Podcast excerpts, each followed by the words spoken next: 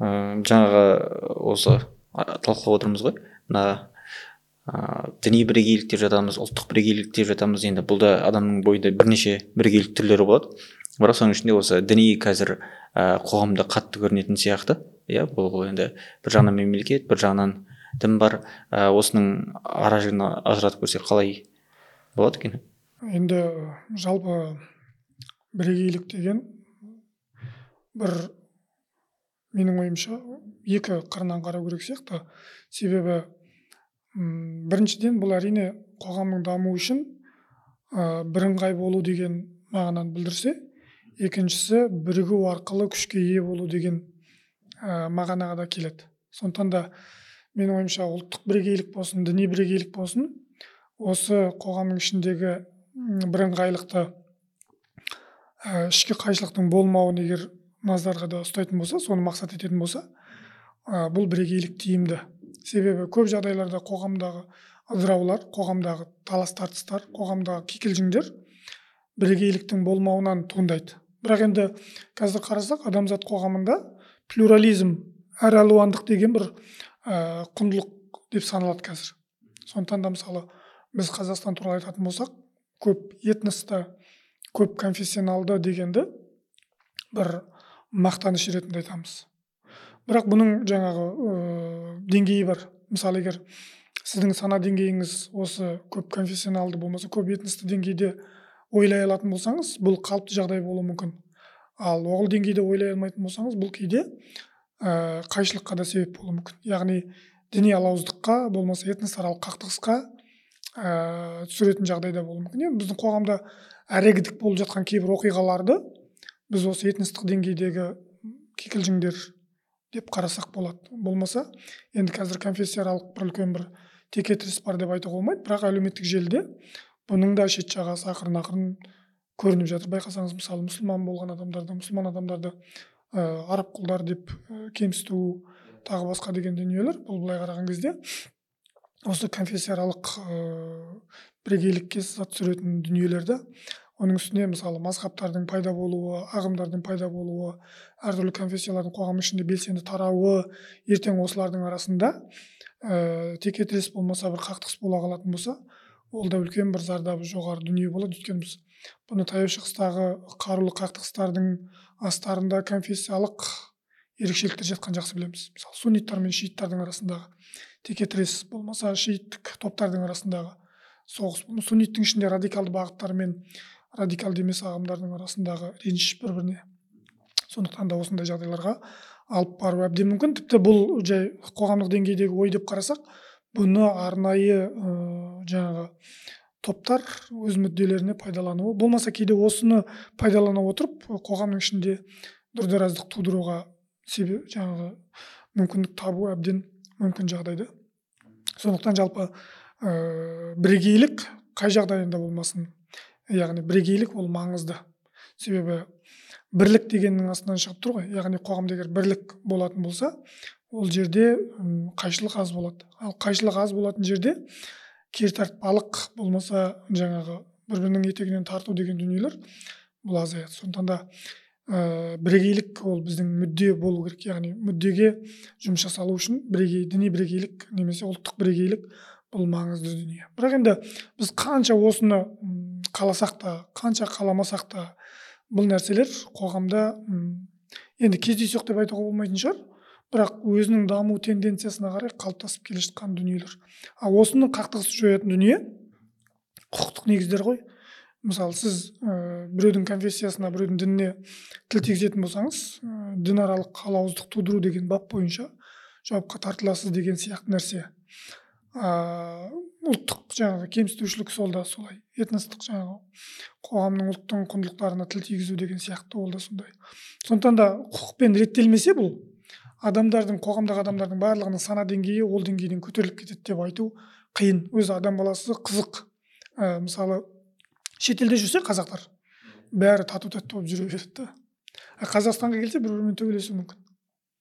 Тіпті ол қазақстан емес бір облыстың ішінде жаңағы пойыз жолының ар жағы бер жағы болып төбелеседі болмаса жаңағы ана мектептің оқушылары мен мына мектептің оқушылары төбелесіп қалуы әбден мүмкін.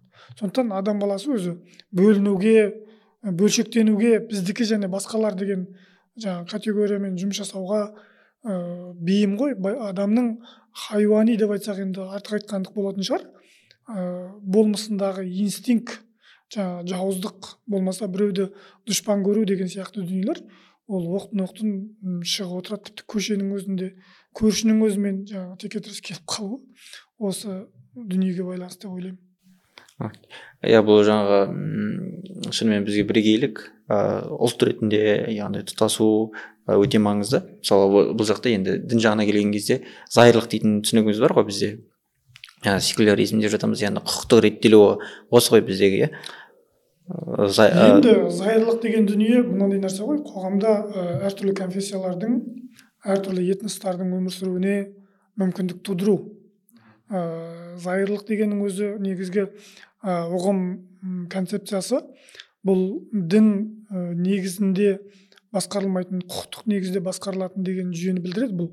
Яғни мысалы ә, теократиялық деген қағида бар. Теократия деген ә, бұл таза діни мотивтегі яғни қоғамдық қатынастарды реттеу тетігі ғой діни мотивтегі ә, болмаса қандай да бір діннің қағидалары бекітеді деген сөз. Ал енді зайырлықта діннің қағидалары бекітпейді. Яғни сіздің маған қатынасыңызды менің сізге қатынасымды шариғат өлшемімен өлшеуге болады.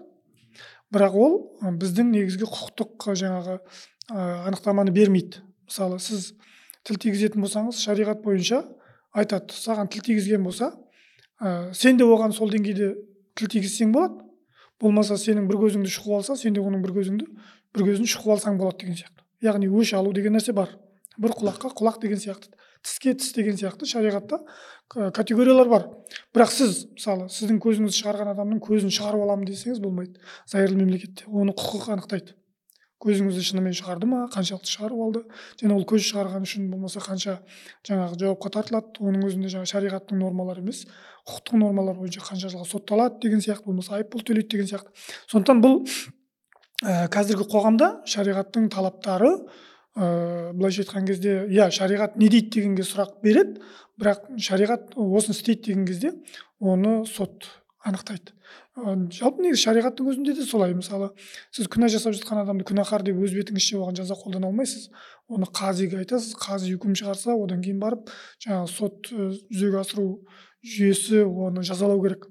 А бізде қазір ондай жоқ. Бізде қазір ә, дін ұстанатын адамдардың арасында иә оларға сондай пәтуа шығару сыртынан үкім шығару ә, олар енді нақты жаңағы іс әрекетке көшпесе де оны кәпір деп қаралау деген сияқты ондай ә, тенденциялар байқала береді. Бірақ енді оның құқықтық салмағы жоқ құқықтық негізі жоқ. Егер ол сол деңгейден өтіп жаңағы қандай да бір адам өміріне қауіп төндіре бастаса болмаса жаңағы мемлекетке қарсылық байқала бастаса оны заң бойынша әртүрлі жаңағы тыйым салынған ұйымдар не үшін тыйым салынды? осындай іс әрекеттер болуы мүмкін деген ә, көзқараспен тыйым салынады ғой сондықтан да оған мемлекет шешім шығарады қабылдайды. Яғни ол қаншалықты қауіпті қаншалықты жаңағы салдары болуы мүмкін.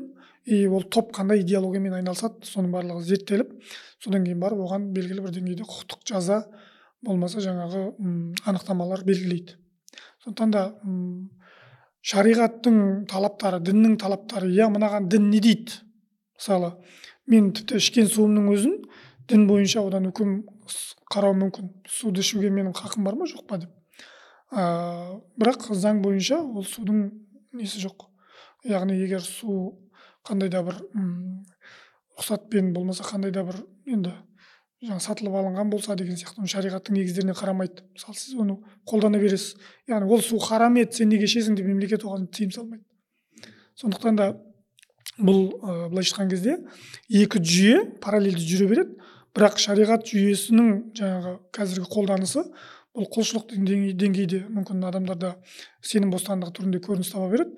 Ал бірақ жаза түрінде ол қазіргі зайырлы қоғамда көрініс таппайды. Яғни шариғаттың ішінде бірнеше тараптар бар. Соның ішінде жаза құқығы деген бар. Жаза құқығы деген біздің зайырлы қоғамның жазалау принциптеріне сәйкес келмейді.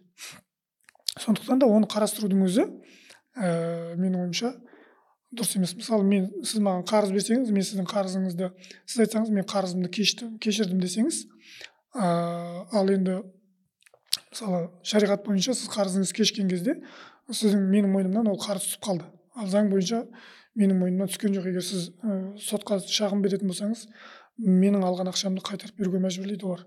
Сондықтан да заңдық жүйе мен шариғи жүйенің арасында өте көп айырмашылықтар бар дегім келеді қысқасын айтқанда. Яғни қазір біздің қоғамда сондай бір тенденция ма тренд па пайда болған ә, дін не дейді деген. Болмаса дінде бар ма деген шариғатта бар ма деген сияқты. Сұрақ көп қоя береді. Бірақ бұл ә, иә сенің жеке өміріңе қатысты мүмкін дұрыс шығар. Бірақ жаңағы құқықтық нормалармен алған кезде оған басқа баға беріледі да.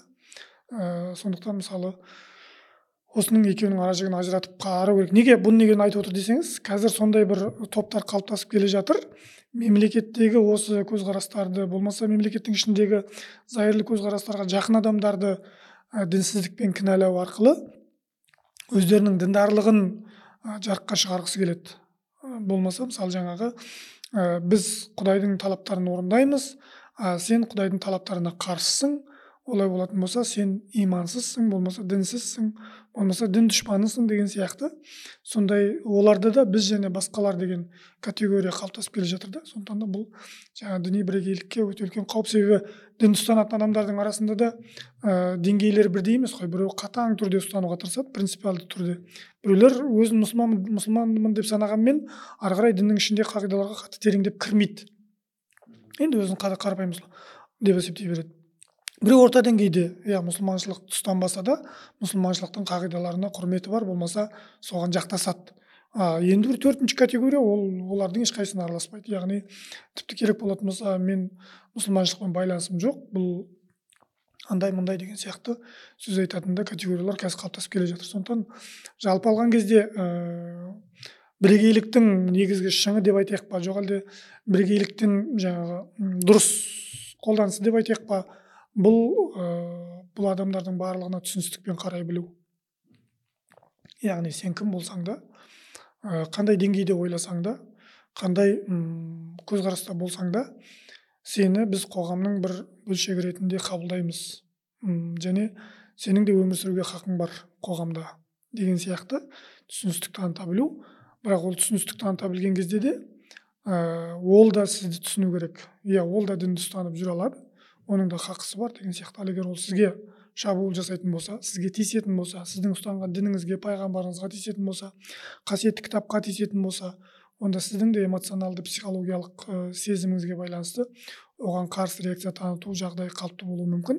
Міне қарапайым қоғамдағы таластар төбелестер тіпті үлкен қақтығыстардың басы осылай басталады. Сондықтан да бұл діни бірегейлік деген дүние өте маңызды және бұл ұм, тек қана жаңағы идеология болмаса тек қана бір қағида емес ол адам баласының сана деңгейіне де байланысты дүниелер. Яғни мұхаммед пайғамбар келген кезде де бүкіл қоғам мұсылман болып кеткен жоқ қой. Ә, ол да мысалы араб қоғамының бірегейлігін араб тайпаларының бірегейлігін ортақ құндылықтар арқылы ислам құндылығы арқылы жеңуге тырысты және жеңді. Өйткені ол исламға дейін де арабтың тайпалары әрбірі өз тайпасының құдайын жасап алып басқа тайпалармен үнемі соғыс соғыс жағдайында болатын.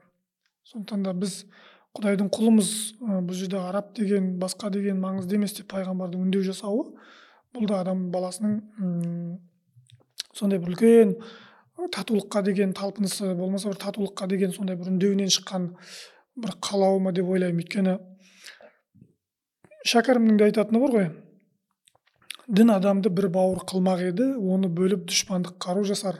Інжіл құран бәрі айтып тұрса дағы мағынасынан адасып қара басар дейді. Яғни фарабидің де айтатыны бар. Діннің жалпы қоғамға келуі болмаса алланың тарапынан түсуі бұл адамзаттың бірлігін ізгілігін қамтамасыз ету мақсатында. Ә, яғни адам баласының барлығы біз бірыңғай адамбыз. Әрине бұл жерде мынандай мынадан абайлы болу керек. Біз бәріміз адамбыз деген сөз ұлттық ерекшелігіміз жоқ ұлттық құндылығымыз жоқ деген сөз емес. Біз ұлттық құндылығымызбен басқалардың ұлттық құндылығын құрметтеумен олардың да біздің құндылықтарымызды құрметтеумен түсіністікте өмір сүруіміз деген сөз. Әйтпесе жоқ біз бәріміз адамбыз бәріміз адам баласымыз бізге мемлекеттің керегі жоқ шекараның керегі жоқ біз белгілі бір діннің керегі жоқ деген сияқты дүниелерді де кейбіреулер кейбір діни ұйымдар айтып жүреді. Бұл да былай қараған кезде қауіпті тенденция. Өйткені ол да жаңағы қарусыз жаулап алудың тетігі ма деп ойлап қаласыз бірақ жаңа айтқандай бауырластық деген түсіністік деген адамзаттың қоғамында түсіністік деген дүние бұл жаңағы діннің негізгі құндылықтарының бірі болып саналады. Жалпы ә, діннің өзінің ішіндегі құндылықтар да негізі соған топтасады өйткені шәкәрімде тағы да бір өлеңінде бар. Ә, барлық діндердің түп мақсұты жаңағы әлемдегі діндердің түп мақсұты айнымай үш, үш, нәрседе құшақтасар дейді. Ә, құдай бар ақиретші жан дұрыс ешбірінің мұраты жоқ бұдан асар дейді яғни біз не істейміз? Бәріміз бір жаратушыға сенеміз бәріміздің жданымыз арымыз бар. Яғни қайсының дұрыс екенін қайсының жаман екенін қайсының жақсы екенін кез келген қоғамдағы этнос өкілі түсінеді. Біреуге жала жабудың дұрыс емес екенін неміс те түсінеді орыс та түсінеді қазақ та түсінеді. Болмаса біреуді жаңағы кінәлаудың болмаса ұлтына қарай кемсітудің дұрыс емес екенін оның сол ұлтты таңдамағандығын кез келген ақыл есі дұрыс адам түсінеді. Ал енді оны бетіне басып жаңағы оны бір кемсітушілікке айналдыру менің ойымша ол жаңағы эмоционалды ә, көңіл күйден болмаса өзінің өмірге деген ә, былайша айтқан кездегі ренішінен туындайтын дүниелер ғой. Ә, ренжіген адам өзі бір басқа адамдардан кемшілік іздейді. Сондықтан да көп жағдайларда ол қоғамның әлеуметтік экономикалық жағдайы да бұған әсер етіп жатады. Сондықтан бұл ә, былайша айтқан кезде тек қана бір мына фактор осы фактор деп айта алмайсыз. Көптеген факторлар бар. Ә, сол факторлардың бәрін қосқан кезде қоғамның психологиялық эмоционалды көңіл күйі осы нәрселерге әсер етеді. Кейбір кездерде тарихи факторлар да әсер етуі мүмкін. Мысалы қандай да бір этностан қандай да бір ұлттан теперіш көрген халық ол халықты өзіне теперіш көрсеткен болмаса бодандықта ұстаған халықты жақсы көріп құшақтап кетеді деп айту қиын. Өйткені оның тарихи санасында тарихи жадында дұшпандық әке шешесіне жасаған ата анасына жасаған ата бабасына жасаған зұлымдық жатады сондықтан да ол бәрібір де оны жоққа шығармағанымен құшағына басады деп айту қиын. Сондықтан бұл жерде факторлар өте көп бірегейлікке әсер ететін. А, ол қаншалықты дұрыс қаншалықты бұрыс деген кездерде бізге қайсы тиімді деген дүниелерді де ә, түсінуіміз керек. Кейде болады діни бірегейлік ә, конфессионалды бірегейлік ұлттық бірегейлік жұтылып кетпеудің де бір факторы яғни мысалы жақсы біз бәріміз адамзат өкіліміз буддизм буддист те біздің бауырларымыз христиандар да біздің бауырларымыз дейтін болсақ сен қаласаң христиан бол қаласаң буддист бол дейтін болсақ қандай да бір дінді қабылдаған ұлттар сол ұлтқа жұтылып кетеді. Яғни мысалы біз иә ә, сол ұлтқа сол мысалы өздерінің жаңағы дінін қабылдатқан ұлтқа жұтылып кетеді. Жоғалып кетеді. Яғни бұл жерде мына нәрсені де қарау керек. Мысалы біздің қазақ болып қалуымыз үлкен үлкен жаңағы мемлекеттердің арасында қазақ болып қалуымыздың астарында біздің сол көрші елдердің дінінде болмауымыз да әсер етіп отыр.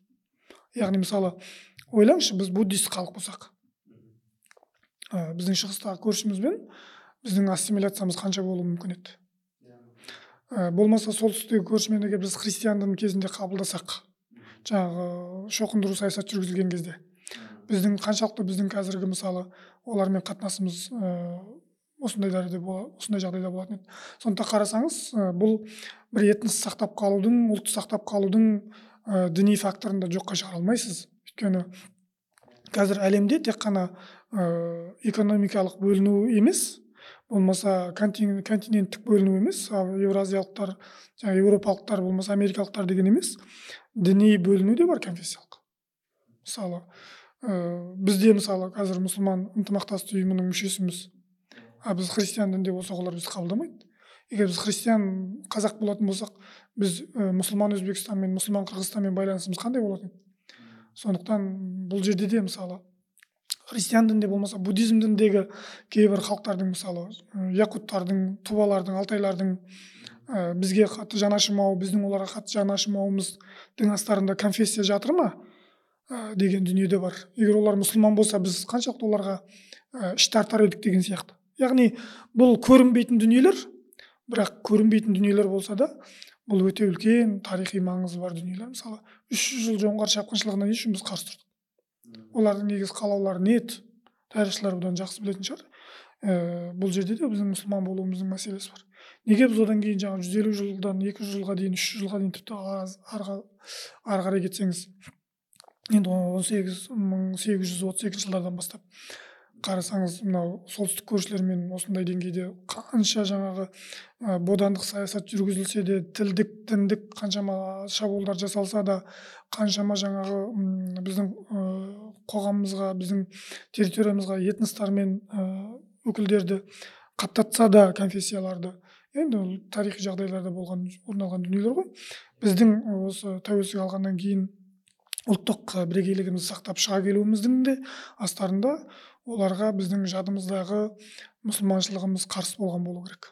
Өйткені көптеген жыраулар он тоғызыншы ғасырларда он сегізінші ғасырлардағы ақын жырауларымыздың болмаса жаңағы ағартушыларымыздың еңбектерінде қарап отырсаңыз қарсы бір иммунитет олардың діни сеніміне қарсы иммунитеттің болғандығын біз жоққа шығара алмаймыз. Ә, яғни оларда оларға жаңағы біз және басқалар деген дүние категория болу үшін енді қазір біз кәпір деген сөзді мүмкін ә, құқықтық тұрғыда қарап кейде тәкфіршілер деп басқа жамағаттарға қарсы айтып жатамыз ғой. Бірақ бұл, бұл қарапайым қазақтардың ішінде де ә, басқа халықтарды кәпір деп санау арқылы өздерінің идентификациясын сақтауға тырысқан жағдайлар болған. Яғни бұл иә мұсылман емес олардың бауыздаған малы халал емес ол халықтармен біз араласпаймыз. Неке қатынастары қан қатынастарын жасамау керек. Өйткені олар кәпір деген сияқты дүниелер ә, біздің әжелеріміздің аталарымыздың аузында жүретін. Енді ол солардың өздерінің сақтап қалу үшін болмаса солардан өздерін даралаудың бір тетігі болды деп ойлаймын мен. Сондықтан да ә, бұл тарихи тұрғыдан алған кезде діни бірегейліктің қалыптасуы оңай дүние емес. Қазіргі жағдайда да діни бірегейлікті ұлттық бірегейлікті сақтап қалу оңай емес. Өйткені ә, космополитизм деген нәрсе бар ғой. Бұл жаңағындай өзінің ұлттық құндылықтарын өзінің діни құндылықтарын рухани құндылықтарын ә, дәріптемеу деңгейінде басқаларға еліктеудің нәтижесінде ұлттық болмыстан ажырап қалу деген дүниеде ә, бұл бұның астарында мәдени ә, жаулаушылық жатады. Мысалы сіз өз мәдениетіңіздің ұлттығыңыздың құндылықтарынан дініңіздің құндылықтарынан бас тарттыңыз дейік. Сіз қабылдап жатқан құндылықтар кімдікі? Соны қарау керек. Мысалы қазір жастарымыздың арасында оңтүстік кореяға еліктеу деген нәрсе бар. Солардың фильмдеріне еліктеу деген солардың киім киісіне шаш үлгісіне еліктеу деген сияқты. А оның астарында не жатыр? Оңтүстік корея қандай мемлекет? И оларда діни құндылық қандай? Деген сияқты. Яғни қандай да бір мәдениет егер сіздің қоғамға келетін болса олар өздерінің сол мәдениет арқылы жаулап алуға ә, біздің бояуымызды жоюға тырысады. Бұл жерде мынаны ажыратып алу керек. Құндылық деген дүние ә, мораль деген дүние этика деген дүние адамгершілік деген дүние бұл ұлтты халықты этносты конфессияны басқалардан даралап тұратын оның негізгі ә, бояулары. Ал енді өркениет деген дүние бұл ортақ. Мысалы сіз компьютерді өте жақсы қолданатын қазақ бола аласыз. Ә, компьютерді өте жақсы қолдану үшін бір ағылшын болу шарт емес. Болмаса жаңағы өте жақсы бір би билеу үшін корей болу шарт емес. Болмаса жұмыстан кешікпей келу үшін принципиалды болу үшін неміс болудың шарты шарты жоқ. Сен қазақ болып та құндылықтарды жасай аласың. Кейде бізде қазақтарда сондай ғой. Кешігеді да қазақпыз ғой дейді. Ал ол шын мәнісінде ол сенің қазақтығың емес сенің өзіңнің немқұрайлығыңа байланысты. Яғни ол бір ұлттың бір бояуындағы нәрсе емес ол. Ол тек өзін ақтау мақсатындағы бір айтылған сөз. Әйтпесе бұл норма адамгершілік нормасы. Көп жағдайларда өкінішке қарай осы мұсылман халықтары соның ішінде түркі халықтарының ішінде осындай бір немқұрайлықтарды біздің жаңағы дін, діни тұрғыдан деген болмаса жаңағы моральдық адамгершілік тұрғыдан деген дүниелерге бетімізге басып жатады ә, бұл негізі дұрыс нәрсе емес. Бізде моральдық этикалық тұрғыдан өте жақсы құндылықтар бар. Ә, олардың ешқайсысы бізді сол кер, керге тартпайды. А бірақ маман ретінде адам ретінде қоғамның мүшесі ретінде сіз ә, ең өркениетті деңгейде ойлауға жұмыс істеуге ол нәрселер сізге кедергі келтірмейді. Сондықтан жаңағы өзіміздің жалқаулығымызды немқұрайлылығымызды болмаса жаңағы жауыздығымызды дейік па болмаса жаңағы ә, көргенсіздігімізді дейікші қазақша айтқанда оны жаңағы өзіміздің моральдық құндылықтарымыздан іздеудің қажеті жоқ. Ол жерде өте жақсы дүниелер бар. Мысалы мұсылман болсаң бір жерден кешігіп қал деген сөз емес ол. Керісінше мұсылман біреудің ақысына кірмеу керек біреудің ақысын жемеу керек күткізіп қойсаңыз ол сол адамның ақысын жеген болып есептеледі. Сондықтан да біз өзіміз түсінбейміз соны жаңағы өзіміздің бір ә, менталитетіміз деп ойлаймыз шын мәнісінде ол ондай нәрсе емес. Сол үшін менің айтайын дегенім мына нәрсе. Адам ә, өркениетті деңгейде даму үшін өркениетті деңгейде ойлау үшін өзінің бояуын сақтау арқылы тіпті керек болатын болса өзінің киімін кию арқылы да ұлттық киімін кию арқылы да ол өте адамзаттық деңгейде ойлауы әбден мүмкін. Сондықтан ол киім форма жаңағы мәдениет дәстүр бұл ондай нәрселерге кедергі келтіреді деп мен ойламаймын.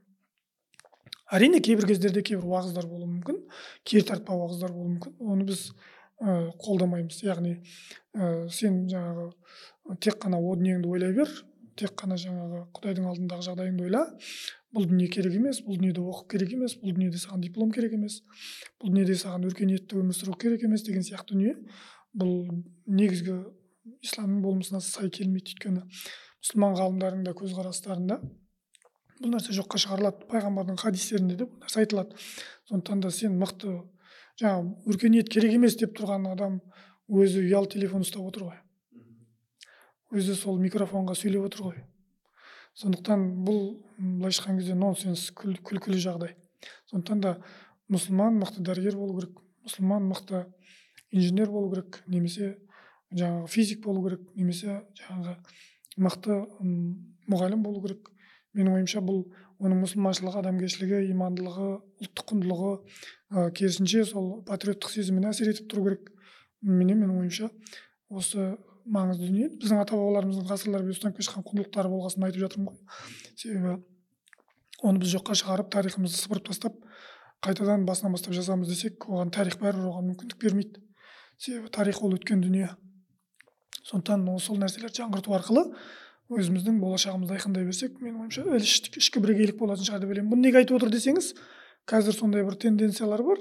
Мынау араб қоғамының дін деп исламға қарау арқылы ислам бізді кертартпалыққа экстремизм терроризмге үндеп жатыр деу арқылы ә, біз жаңағы діннен аулақ болуымыз керек.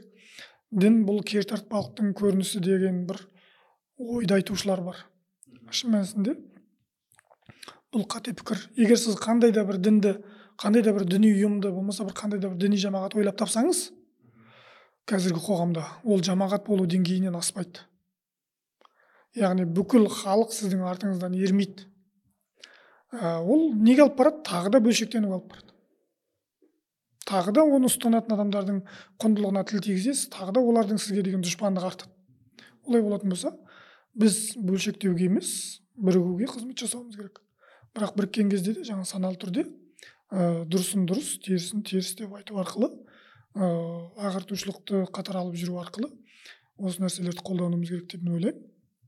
Әйтпесе ә, соқыр сенім деген дүние бар ғой. Яғни ақылсыз дін ақылсыз дін бұл жақсылыққа алып бармайды таяу шығыстағы көптеген текетірестің астарында ақылсыз дін жатыр. Ақылсыз дінді ұстанушыларды пайдаланатын ақылдылар тұр артында. Сондықтан оларға жем болмас үшін біз дінді ұстансақ та ұлттық құндылықтарды ұстансақ та басқалармен қарым қатынас орнатсақ та қоғамдағы әлемдегі өзіміздің статусымызды айқындасақ та ақылды алға салып отыруымыз керек. Сонда менің ойымша ұрпақ та қоғам да ә, дұрыс болатын шығар деп ойлаймын. Бірақ бұл жерде мына нәрсені тағы да қорытынды ретінде айтуға болады. бір қоғам ішінде қақтығыс болуы әбден мүмкін және болады. Текетірес болмау болмайды емес болады. Тіпті қоғамда қарама қайшылық болмаса ол қоғам деградацияға ұшырайды. Сондықтан кейбір кездерде қарама қайшылықтың болуы ол қалыпты да жағдай деп қабылдау керек. Әрине шектен шығып кетсе ол бөлшекке алып баруы мүмкін. Ал кейбір қарсы пікірлердің болуы кейде біздің ойымызды жинақтауымызға өзімізді сергек ұстауымызға себеп болады. Саясатта да солай. Мәселе тек қана монархиялық басқару болатын болса ол мемлекеттер көбінесе тоқырауға ұшырап жатады. Ал жаңағы демократиялық басқару болған жүйелерде оппозициялық партиялар басқа да ұйымдар болған кездерде ол мемлекет қарқынды түрде дамиды. Неге өйткені? Қарсысында оның қателігін түзетіп отыратын адамдар бар. Сондықтан да сіздің ә, жаңағы дос жылатып айтады деген қазақтың сөзінің астарында осы нәрсе жатыр. Сен содан кемшілігіңді түсініп ары қарай дамуға әрекет жасайсың. Әйтпесе адам баласы өзінің қателігін өзі көрмейді. Сондықтан ол дін болсын ол саясат болсын ол партия болсын сондай нәрсе ғой. Сондықтан да осы нәрсені де бір қалыпты жағдай деп қарастыру керек. Бірақ бұл жаңағыдай қайшылыққа тудыратын деңгейге көтеріліп кетпеу керек. Эмоционалды ә, хайуани деңгейге түсіп кетпеу керек. Егер осы деңгейге түсіп кететін болса бар нәрсені жоғалтып алуға да себеп болуы әбден мүмкін. Яғни ішкі қайшылықтарды ішкі текетірестерді пайдаланған әртүрлі топтар болмаса мүдделі ұйымдар сол жерде өздерінің мүддесіне қол жеткізуі әбден мүмкін. Сондықтан әрбір азамат сосын айта кетейін қоғамдағы бүкіл азаматтар саналы болмайды. Қоғам өзі массадан тұрады массаның көбісінде ақыл болмайды. Өйткені оларда топтық тобырлық инстинкт болады. Ал қоғамның алдында жүрген саналы азаматтар сол қоғамға дұрыс бағыт бағдар бере жүру керек. Яғни сөзін тыңдайтын өзін сыйлайтын қазақта зиялы деген сөз жарық түсіруші деген сөз яғни ағартушы деген сөз сол қоғамға бағыт бағдар беруші деген сөз. Сондай адамдар дұрыс бағыт бағдар беріп отыратын болса қоғам адаспайды.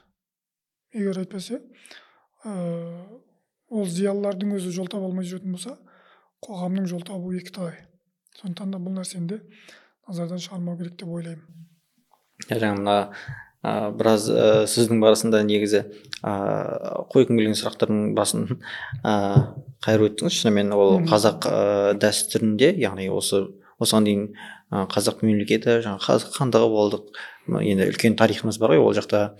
Шынымен де ә, исламның орны үлкен болды. Иә оны жоққа шығару немесе оны алып тастау ол мүмкін емес. Ә, және сондай ақ қазір қоғамда да ә, діни бірегейлікті немесе белгілі бір дінді жаңағыдай ата заңнан жоғары қоятын сондай топтар да бар ондай бағыттар бар.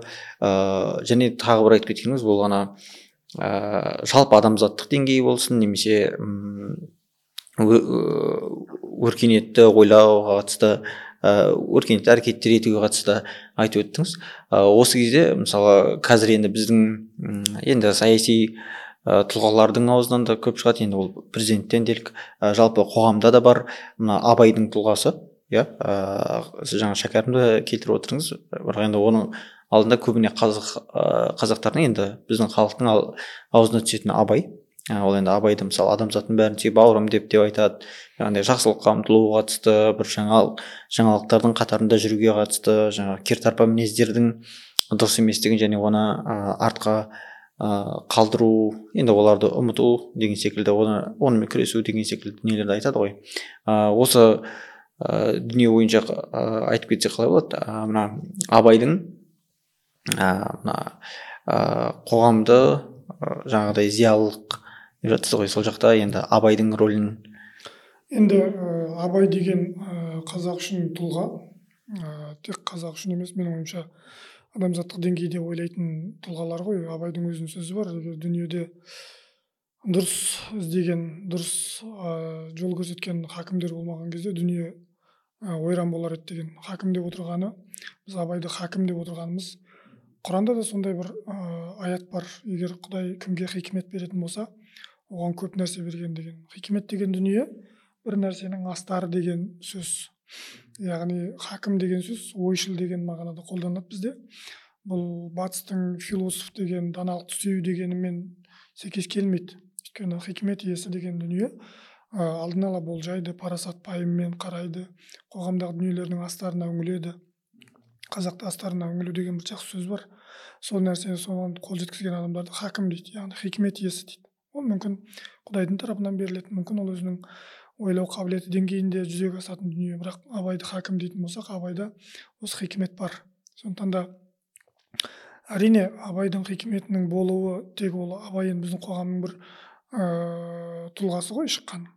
Ол өзі аспаннан түскен емес ол қоғамнан шықты. Сол қоғамдағы бар дүниелерді айтып отыр. Ол өзінің зерттеген оқыған дүниелерін айтып отыр. Сондықтан да менің ойымша иә абайдың жаңағы адамзаттың бәрін сүй бауырым деп деген қағидасында адамзаттық деңгей дейтін болатын болсақ ол ол өзінің сана деңгейінің адамзаттық деңгейде ойлай алатындығын көрсетеді және соған үндейді. Осындай тұлғалар бар ә, абай сияқты руми бар мысалы. Ә, адамзаттық деңгейде ойлайды бүкіл діндерді конфессияларға бөлмейді. Тіпті сен мәжуси болсаң да отқа табынушы болсаң да кім болсаң да пұтқа табынушы болсаң да кел ә, деген сияқты деңгейде. Ал енді біздің қоғамда жаңа өзіңіз айтқандай ә, біз және басқалар деген м, тетіктер оянып келе жатқан кезде ә, көп жағдайларда м, осы арандатушылыққа кейде осыны ә, хикметтік тұрда ойлай алмағаннан кейін апарып жататын жай таяз ойлайтын адамдардың сана деңгейі ғой бұл жаңағы. Біз және басқалар деген категория яғни сол деңгейде ә, ойлау арқылы ә, мүмкін солай ойлату арқылы қоғамдағы алауыздықты тудыруға себеп болу деген сияқты. Ал енді абай м, абайдың жаңағы еңбектерінде өзіңіз жақсы білесіз. Ыыы мықты адам болу үшін сол адамзаттық деңгейде ойлау үшін не істеу керек деген кезде осы толық адам концепциясын ұсынады ғой. Бұл жерде осы үш нәрсе бар. Ыстық қайрат нұрлы ақыл жылы жүрек. Осы ыыы осы үшеуін қатар ұстау керек дейді. Осы үшеуін қатар ұстау деген сөз не деген сөз? Нұрлы ақыл деп отырған сол жақсы ақыл. Өйткені кейде адамды соғыстыру үшін де жаман ақыл ақыл бар олар да ақылды. Ә, банкті тонап кету үшін де ақылмен тонайды. Сондықтан ал нұрлы ақыл деп отырғаны дұрыс ақыл. Таза шәкәрім бұны таза ақыл дейді.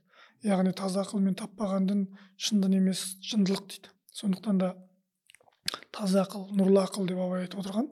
Нұрлы ақыл бұл адамзатқа жақсы ұнамды жанашырлықпен болатын ақыл. Қайтсем дұрыстаймын қайтсем мен құраймын қайтсем бұны тұрғызамын қайтсем бүлдіремін емес. Өйткені бүлдіру үшін де ақыл керек.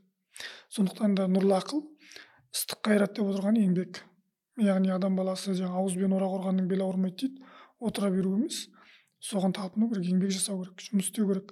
Әрбір қазақтың баласы әрбір қазақстанның азаматы осы қоғамды тұрғызуға осы қоғамды біріктір, біріктіруге біріктірмесе де бөлшектемеуге еңбек ету керек. Одан кейін ә, жылы жүрек деп отырған бұл имандылық. Яғни адам баласының адам баласына тіпті тіршілік иесіне жанашырлығы болмаса жүрегіңізде жұмсақ болмаса мейірім болмаса ізгілік болмаса имандылық болмаса қазақтың тағы сөзі бар құдайдан қорықпағаннан қорық дейді. Бұл не деген сөз? Құдайдан қорықпау деген сөз сенің жүрегіңде жылылық жоқ деген сөз. Ә, сондықтан да жылы жүрек бұл адам баласын құтқаратын дүние. Адамзаттың баласын жалпы ә, адам баласы нені жақсы көреді? Адам баласы қайырымдылықты жақсы көреді? Адам ізгілікті жақсы көреді. Тіпті адам ізгіліктің құлы деген де сөз бар. Яғни сізге біреу қайырымдылық жасап жатса қолыңыздан тартып жатса сіздің де жүрегіңіз жылынып қалады оған. Сіз де оны біреуді ертең басқаларға қолдануға тырысасыз. Ал қазіргі кезде не? Мынау экономикалық капиталистік қоғамда жылы жүрек жетіспейді негізі. Өйткені бұл жерде пайда. А бірақ қоғамда жылы жүректі адамдар аз ба? Көп бар. Сондықтан да менің ойымша бұл жылы жүрек әр қоғамда керек дүниелер. Яғни сіз кейде бір адамға көп нәрсе көмектесе алмауыңыз мүмкін бірақ сіздің жүрегіңіздің жылылығын сезген адам сізге қолындағы барын аямауы мүмкін. Сондықтан да адами қатынастар тек қана материалдық құндылықтармен болмаса үлкен кіші бастық жаңағы қызметкер деген сияқты категориялармен анықталмайды. Адам баласының қатынасы кейде адамгершілікпен анықталады. Қазақта да осыған бір жақсы сөз бар. Біз киіміне қарап қарсы аламыз. Сөзіне қарап шығарып саламыз деп. Өйткені сөзінің сөзіне қарап неге шығарып салады? Өйткені сөз ол адамның жүректен шыққан сөз жүрекке жетеді дейді. Яғни адамның ішінде жүрегінде не болса сыртқа сол шығады. Сондықтан да жылы жүрек деп отырған дүниесі қоғамға жақсылықты айту жақсы сөз айту жақсы нәрсе жаңағы жасау жақсы нәрсеге шақыру үндеу жақсылықтың тарапында болу а, бұл жақсылықтың тарапында болу үшін адамның өзінің іші жақсы болу керек.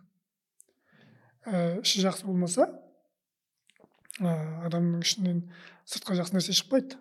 Сол үшін де бірақ негативті адам жаңағы жақсы көріп жататын себебі оның ішінде сол хайуани инстинктке байланысты кейде негативті эмоциялар оянып жатады да содан кейін кейде жаңағы бүлдіргіштік сезім оянып кетеді. Бірақ негізгі адам баласына керегі бұл жылы жүрек. Яғни адам адам ғой.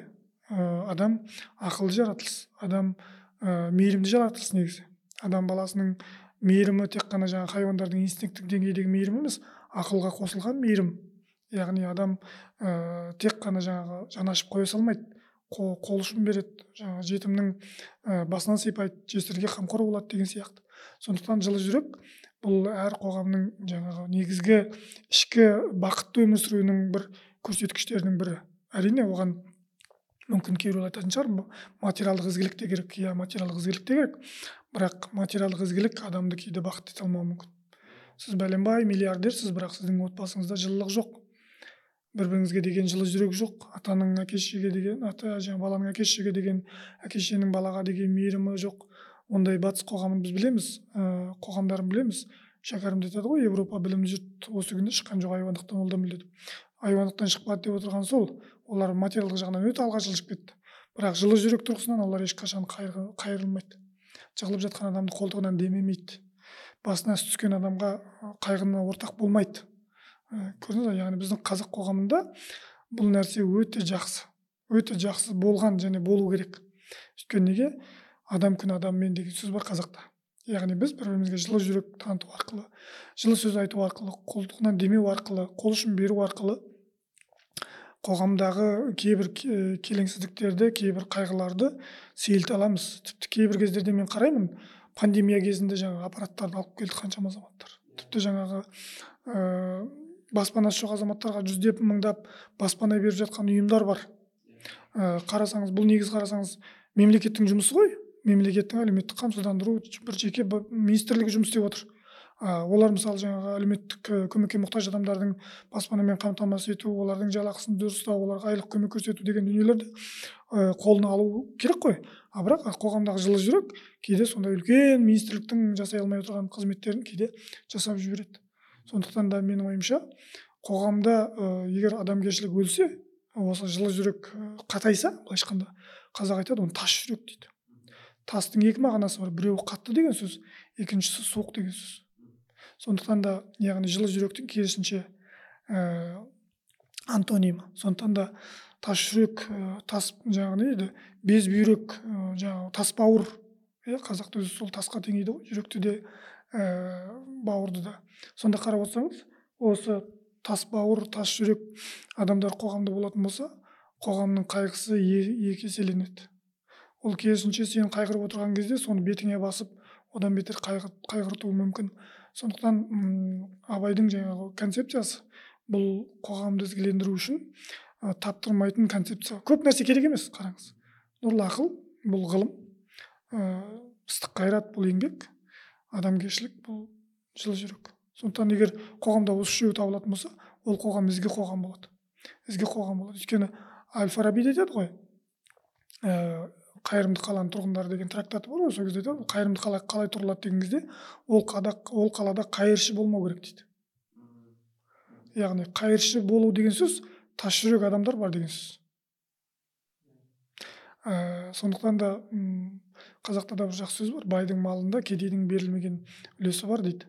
Сондықтан да ә, сондықтан да біз жылы жүрек болатын болсақ қоғамдағы көптеген келеңсіздіктерді реніштерді дұшпандықтарды жылы жүрек арқылы шай жіберуге болады. Сіз бір адамның жүрегін алу арқылы бір адамның үмітін ояту арқылы ә, сіз ол адамды өмірге қайтадан құштарландырып жібересіз. Өмірден баз кешкен адамдардың өзін өмірге қайта көзқарасын өзгертуге болады. Сол үшін де жаңағы ә, жүніс әміре деген атақты ойшыл түріктерде солды айтады. Бұл жүрек деген құдайдың назары түсетін жер дейді. Егер сен бір жүректі қалдырған болсаң дейді. Ә, ондай болатын болса бұл жаңағы екі дүниенің бақытсыз адамы сенсің дейді. Болмаса румиде бар ғой. Жүрек ол құдайдың қағбасы дейді. Біреудің жүрегін көңілін қалдырған адам қағбаны құлатқанмен тең дейді. Сондықтан да адам ә, адамның сөзі адамның ісі адамның мінезі қимылы тек қана жақсылыққа ғана емес оны кейде қалдыруға тіпті өмірден баз кешіруге баруы мүмкін. Өз өзіне кейде қол жұмсаған адамдар бір адамның сөзі үшін қол жұмсауы мүмкін. Ә, сондықтан да бұл жай жай дүние емес. Яғни адамның адамгершілік моральдық құндылығы бұл біздің шығыс қоғамында соның ішінде қазақ қоғамындағы бар құндылық негізі. Не үшін біз қай, біз қонақжай халықпыз дейміз? Қонақжайлық не үшін керек? Ә, қазіргі кезде қарау мүмкін. Кейбір қазір жастар мысалы қонақ деген дүниені де мысалы онша ұната бермейді. Ә, не үшін сендер қонақ шақырасыңдар? А бұл адам күн адаммен болмаса жақсылыққа жақсылық. Сен біреуді қонақ қылатын болсаң құдай қонақ жағдай жасайтын болсаң ертең сен далада қалған кезде ол да сенің саған қол ұшын береді. Е біздің қоғамда бұл жақсылық жолда қалған адамдарға болмаса үйіңе келген қонаққа сый құрмет көрсету деген нәрсе бар. Және біз одан тайынбауымыз керек деп сондай нәрсе. Әйтпесе ешкім ешкімге міндет емес үйіне шақырып қонақ қылуға етін асып мал сойып беруге деген сияқты. А бірақ бұл бізде жазылмаған заңдылық ол конституциямен заңмен оны өлшей алмайсыз. Пәленше мені қонақ қылмады деп сотқа бере алмайды. Бірақ ол ар алдында жаңағы жылы жүректің алдында үлкен сын қазақ оны шық бермес шығайбай деген персонаждар арқылы не істейді? Ә, суреттейді. Бұл жақсы нәрселер емес. Яғни атымтай жомарт дейді. Жақсы адамдарды жомарт адамдар. Сондықтан бұның барлығы жылы жүрекке келетін дүние. Сонда қарасаңыз бүкіл біздің қоғамдық проблеманы абай осы үш ауыз сөзге сыйғызып отыр. Егер үш ауыз сөзді адамдар жүрегімен түйсіне алатын болса менің ойымша қоғамдағы бүкіл проблемалар шешілген болар еді. Қоғамда қазір не жетіспейді? Не жалқаулық? Бұл жаңағы қайрат жетіспейді. Масылдық. Жаңағы біреу сен істеп беруің керек сен істеуің керек жұмыс істеуің керек мен нан жеуім керек деген сияқты. Ә, одан кейін ә, жаңағы топастық. Мен басым жұмыс істетпей ақ қоямын сен басым жұмыс істет мен соны жей берейін деген сияқты. Болмаса маған не керегі бар деген сияқты. Яғни нұрлы ақылдың болмауы болмаса жылы жүрек жоқ. Яғни қоғамдағы келеңсіздіктердің бәрі де осының керісіншесімен түсіндіруге болады да айтқанда бір қоғамның жақсы қоғам болу үшін. Бірақ бұл жерде дұшпандық жоқ па? Иә дұшпандық бар бірақ сен дұшпандықты басқа кімге көрсету керек соған көрсетуің керексің. Адам баласының қателігі мынау адамның бойында бүкіл құдай жаратқан қасиеттер бар. Бірақ адамның қателігі сол сол қасиеттерді орын орнымен қолдану. Адам досына дұшпандық жасайды. Дұшпанына достық жасайды қателеседі. Мейірімдік көрсететін кезде қатыгездік көрсетеді қатыгездік көрсететін кезде мейірімдік көрсетеді. Әке шешесіне қатыгездік көрсетеді өлгеннен кейін өкінеді. Шын мәнісінде әке шешеге мүлде қатыгездік көрсетуге болмайды. Бала шағаға мүлде қатыгездік көрсетуге болмайды. Өйткені ол өседі ертең тасбауыр болып өседі. Ә, сондықтан да қарасаңыз ә, бұл жай бір мүмкін ұғым шығар мүмкін бір категория шығар. Бірақ бұның зардаптары өте үлкен. Мысалы тасбауыр болып өскен бала ертең ол да баласын тасбауыр қылып өсіреді. Сондықтан да еуропаның адамгершіліктен жұрдай болып кетуінің астарында осы нәрсе жатыр да а біздің сақтап қалуға тырысуымыз керек дүниелер осы. А оның өркениетке ғылымға технологияға технологияның өзінің ішінде адамгершілікке қатыстысы бар. Мысалы ә, шәкәрім айтады ғой тәрбиесізге берме ғылым ол алады да оқ қылады деп. Технология мысалы қару жарақ жасау технология. Бірақ ол жылы жүрек болмағаннан кейін не істеп отыр. Адамдарды қырып жоятын технология жасап отыр. Сондықтан технологияның өзінің барлығын өркениет екен бәрі ізгілік екен деп қарауға болмайды. Оның ішінде де біздің жылы жүрегімізге қайшы келетіндері бар. Сондықтан да оның өзін өркениет саналы түрде ұстану керек және соған талпыну керек деп ойлаймын. Ә, бірақ енді қазіргі жағдайда мүмкін дұшпаныңды қорқыту үшін ол да керек шығар деп ойлаймын мен кейде. Себебі ә, егер сен адамгершілікке салынатын болсаң мынандай бір қағида бар. Жаңа мен айттым ғой әр нәрсені эмоцияны әркімге өзіне лайықтысын көрсету керек. Мысалы сіз ар, арыстанға мейірімділік қарасаңыз басынан сипасаңыз барып арыстан түсінбеуі мүмкін. Сіздің мейірімділігіңізді мынау жылы жүрек танытып жатыр екен деп түсінбеуі мүмкін. Өйткені оның болмысы арыстан ол. Болмаса жыртқыш. Ал сіз малға жыртқыштық танытсаңыз ол да болмайды. Сол үшін кімге мейірімділік таныту керек екенін кімге достық қатынас жасау керек екенін ә, кезіндегі анау ә, біз қазақ мал баққан елміз ешкімге соқтықпай жей жатқан елміз деген кезде айтады ғой жаңағы достыққа достық берікпіз дұшпанға қиып түсер қылышпыз яғни бұл жерде мынандай нәрсе де бар иә сенің айналаңда дұшпандар да бар сондықтан мен моральдық құндылығым бар екен мен ізгілікте екенмін ә, сенің жаңағы оң жақ бетіңнен ұрса сол жақ бетіңді тос деп отыра беруде ә, мүмкін достыққа жарамайды. Бірақ дұшпандыққа керек дүниелер да яғни дұшпаның болатын болса сен де оның ә, былайша айтқан кезде оған қарсы қаруың дайын болу керек. Қазіргі жиырма бірінші ғасырда. Сондықтан менің айтқым келіп жатқаны бұл ішкі ізгілік ішкі мейірім ішкі жылы жүрек біздің қоғамның адамдарының мүшелерінің бір біріне деген ізгілігі. Ал енді сізге дұшпандық танытқан адамға сен де батырлығыңды батылдығыңды ержүректілігіңді танытуың керексің. Керек болатын болса қатыгездігіңді. Сондықтан осы эмоционалды психологиялық қасиеттердің орнын алмастырып алмау керек та. Өйткені құдай берген болса оны орнында қолдану керек. Ә, сен мысалы қатыгездігіңді өзіңнің жұбайыңа қолдансаң болмайды. Өзіңнің балаңа қолдансаң болмайды. Ә, кейде біз сол орынды эмоцияның орнын тез ауыстырып алып отбасын құлатып алып жатамыз. Сондықтан да былай қараған кезде бұл үлкен түпсіз терең философия ғой. Кете бересің кете бересің кете бересің. Ә, бұл енді жаңа біз басында бастаған бірегейліктің де бір ерекшелігі бірегейлік яғни ішкі бірегейлік ішкі ә, тұтастық жаңағы абай бұл жерде айтады ғой бірлік деген ол ақылға бірлік білімге ойға бірлік әйтпесе малға бірлік емес дейді. Сен оның ақшасын төлесең ақшасын берсең ә, басқа адамдар да сенімен бірігіп күн көреді. Сондықтан да бұл ақыл ой ә, жаңағы жылы жүректе бірлік. Сол жағынан біз бір болуымыз керек. Жанашырлық танытуымыз керек. Түсінбегендерге түсіндіруге тырысуымыз керек. Әйтпесе ақшасын берсең жалданып кім жұмыс істемейді саған? Ақшасын төлеп қойсаң салығын төлеп қойсаң дұшпан да саған түсін көрсетпейді бірлік өмір сүре бересің. Сондықтан бұл жердегі нәрсе осы ішкі бірлік деп ойлаймын мен. Және ә, дінде де ол нәрсе бар жоққа шықпайтын дүние. Ә, мұсылманшылық та бір бірліктің бірегейліктің несі ғой енді мысалы? Егер сіз қандай да бір шетелде жүрсеңіз басқа бір халық мүлдем малайзиец па араб па түрік па бір мұсылманды көріп қалсаңыз сол халықтың арасында жүргенде өзіңізді сол адамға жақын тани жақын сезінесіз. Яғни не?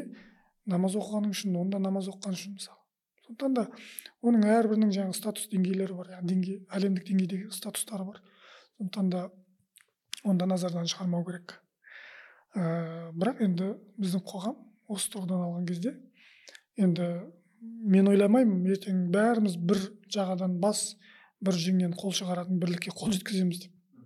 Бірақ масса яғни көпшілік осы бірлікті сақтаса халықтың ішіндегі кейбір бұзық топтарды кейбір бұзық адамдарды тезге салып түзеп алуға болатын шығар деп ойлаймын. Ондай адамдар әр кезеңде әр заманда оқтын оқтын әр отбасыда әр әулетте әр руда әр ұлтта болып тұрады. Сондықтан оны да қабылдай білу керек. Яғни жүз пайыз бірыңғай қоғам деген қазіргі жиырма бірінші ғасырда немесе жүз пайыз бір этностан немесе бір конфессиядан тұратын мемлекет деген мен естіген жоқпын әлі. Мхм.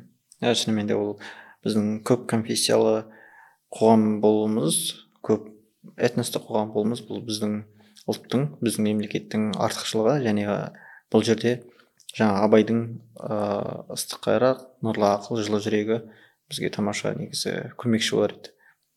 Иә дұрыс айтасыз адам баласының ішкі ой ойлау деңгейі көтерілетін болса ә, яғни сана деңгейі көтерілетін болса адам өмірге басқа баға береді. Өмірді басқаша түсінеді ә, басқаша қарайды.